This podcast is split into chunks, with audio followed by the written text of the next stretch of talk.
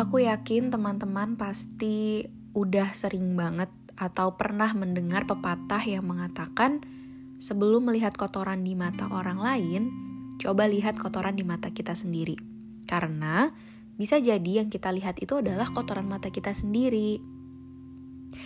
Nah, yang mau aku bahas adalah entah kenapa gitu tiba-tiba terpikirkan aja kayak manusia itu kayak sering banget cepat gitu menilai kehidupan seseorang tanpa tahu bagaimana cerita asli di balik itu semua.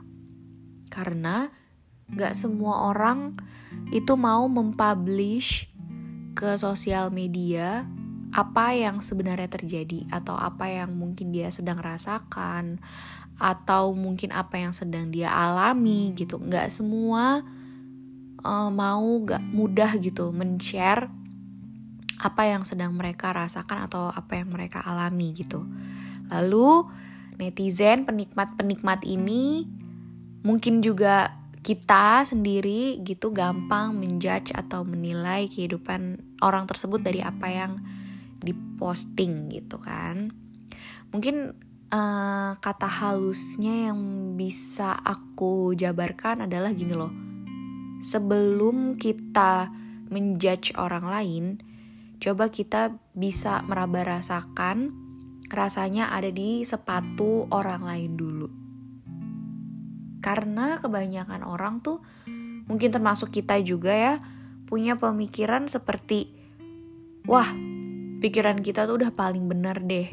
Maksud kita itu udah paling benar gitu. Omongan kita udah paling positif dibandingkan orang lain. Dan ternyata kita tuh juga suka lupa bahwa kita juga bukan manusia yang sempurna sama seperti semua orang di dunia ini gitu. Tidak ada manusia yang sempurna. Nah aku punya pertanyaan. Kalian pernah gak sih mengalami seperti dijudge orang lain atau dikritik sama orang lain yang gak dekat sama kalian? Nah apa rasanya Gak enak kan? Ya ibaratnya gini loh kayak siapa lo komentarin kehidupan gue? Lo aja gak tahu yang sebenarnya terjadi. Lo tuh cuman tahu lapisan luarnya aja. Lo itu cuman lihat uh, dari apa yang gue posting. Gitu kan?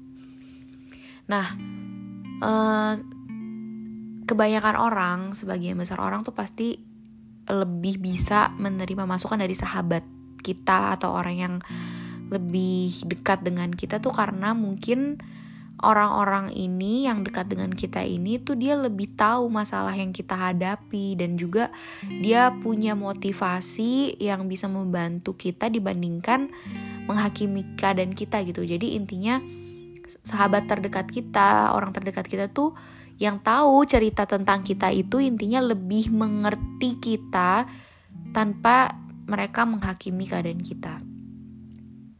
So kesimpulannya gini, yang mau aku sampaikan adalah kita itu harus bijak membedakan antara menasehati orang sama menghakimi orang. Karena kadang tanpa kita sadari tuh secara tidak langsung kita itu uh, menghakimi orang lain gitu. Karena pikiran-pikiran jelek di awal tadi kita punya pemikiran bahwa kita paling benar maksud kita yang paling baik omongan kita udah paling positif. Padahal uh, kita jadi kesannya tuh menghakimi buat orang yang kita kasih tahu gitu.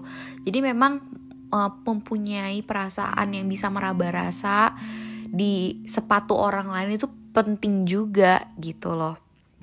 Jadi memang kita tuh perhatian ke orang lain bukan hanya karena kepo doang gitu.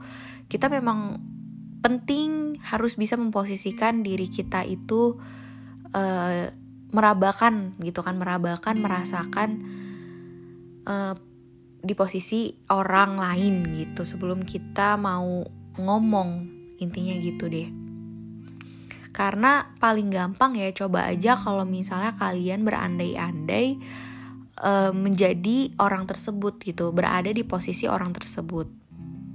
Intinya kita harus bisa pandai pandai-pandai menempatkan diri karena kalau misalnya kita sudah bisa menempatkan diri, pasti kita bisa lebih bijak juga untuk melihat kehidupan orang lain yang gak sempurna juga dan kita harus menyadari bahwa kehidupan kita juga tidak sempurna.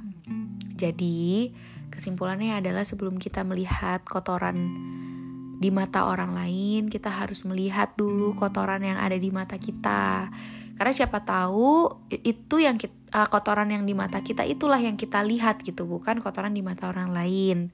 Lalu kita harus bisa meraba rasakan kalau misalnya kita ada di posisi orang tersebut gitu karena sometimes kalau kita nggak hati-hati kita tidak bisa menempatkan diri kita niat kita sih mau menasehati gitu niat kita sih mau memberitahu tapi ternyata ke sana jadi menghakimi seperti itu sih dan balik lagi tidak ada manusia yang sempurna.